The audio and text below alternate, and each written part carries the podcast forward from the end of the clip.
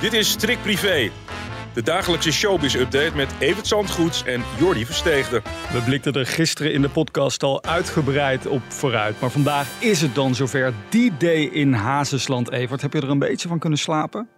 Ja, ik slaap in het algemeen wel goed, moet ik zeggen. Maar eh, vandaag, ja, het is wel spannend natuurlijk. Speculeren is nu afgelopen. Dadelijk weten we wat de rechter ervan vindt. En uh, helaas kunnen we dat nog niet meenemen in deze podcast. Maar uitgebreid natuurlijk wel uh, op onze site later vandaag. Ja. Met commentaar. En er wordt ook nog een video opgenomen, heb ik begrepen. Zeker, dus ja. als je telegraaf.nl in de gaten houdt, dan kom je alle details wel te weten. Ja, ja uh, Rachel die uh, klaagde vorige week dat ik slechts delen van dat testament heb, uh, heb, heb gepubliceerd. Ja, het zijn 13 A4'tjes. dus dat was een beetje veel geweest. Bovendien is het hele taaie en saaie kost. Ja. Ik heb nog even zitten kijken of er nog wat verder nog wat leuks bij was. Want ik heb natuurlijk wel het hele document van die 13 pagina's.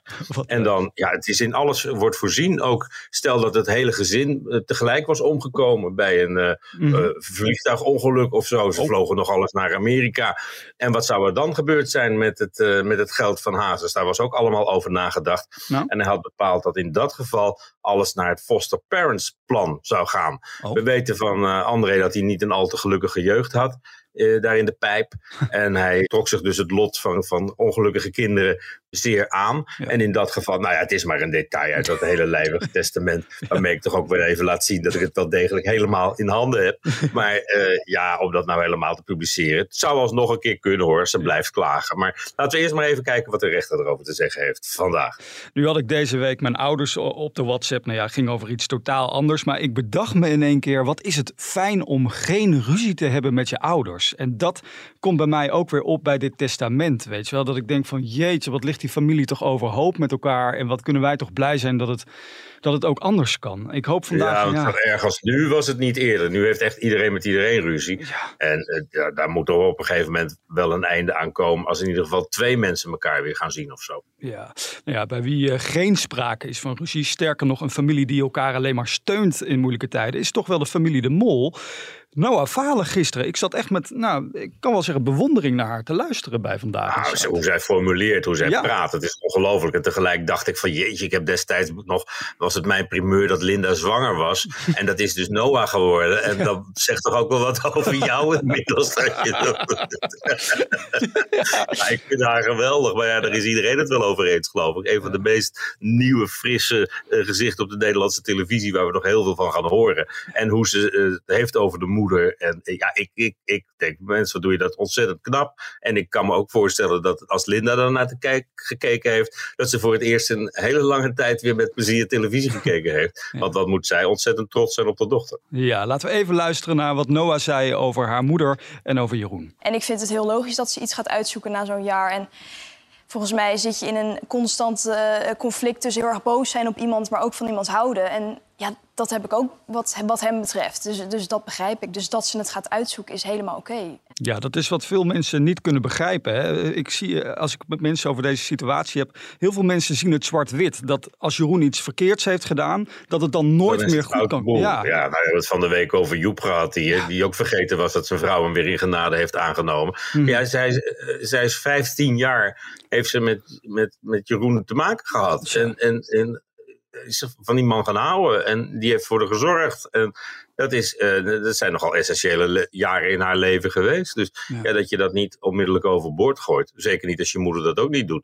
Dat, dat begrijp ik eigenlijk wel. Houden van kan gepaard gaan met boos zijn, dat is wel duidelijk. Nou ja, wie de hoop in de liefde ook niet heeft opgegeven is Gordon. Gisteravond gaf hij eigenlijk voor het eerst sinds zijn nieuwe liefde bekend is geworden een interview aan RTL Boulevard en sprak hij openhartig over Gavin.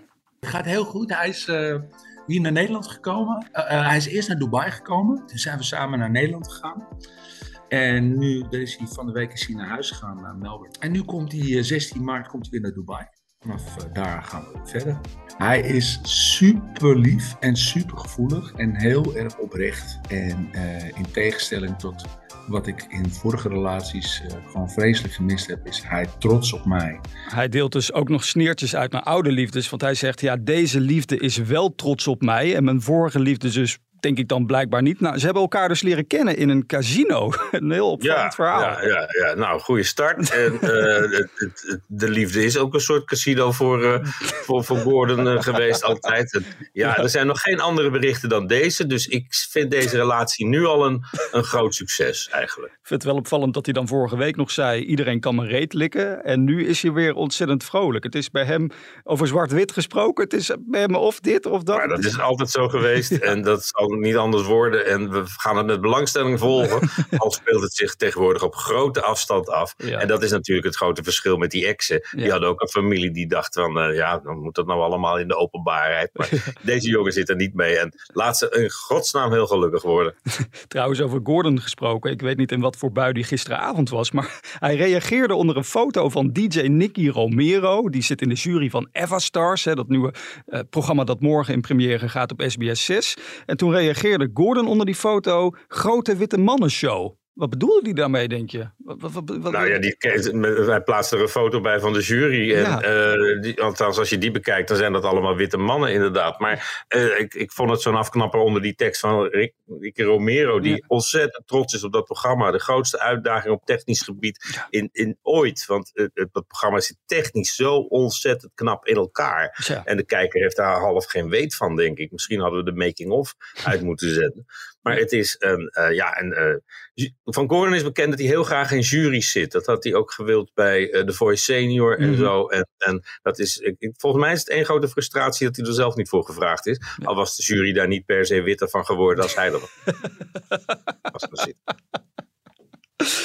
Goed, nou ja, we zijn de hele week ook al flink aan het feliciteren. De felicitatieservice uh, draait op volle toeren. We hebben André van Duin al gehad, we hebben Hans Klok gehad. Ja. En vandaag is het Joop van der Ende. 81. Joop van den Ende zelf. Ja, ja, die schelen precies vijf jaar, André en zijn grote vriend Joop. En uh, ja, nou, het gaat geloof ik wel goed met Joop. Hij heeft uh, allerlei plannen weer en, en bemoeit zich natuurlijk heel erg met het uh, bedrijf van zijn dochter, ja. zij het op de achtergrond. En Joop heeft in het verleden wel grote medische problemen gehad met zijn hart onder andere. Mm. Maar ik geloof dat hij wel goed gaat op dit moment. En hij wordt dan uh, 81 als ik het goed ja.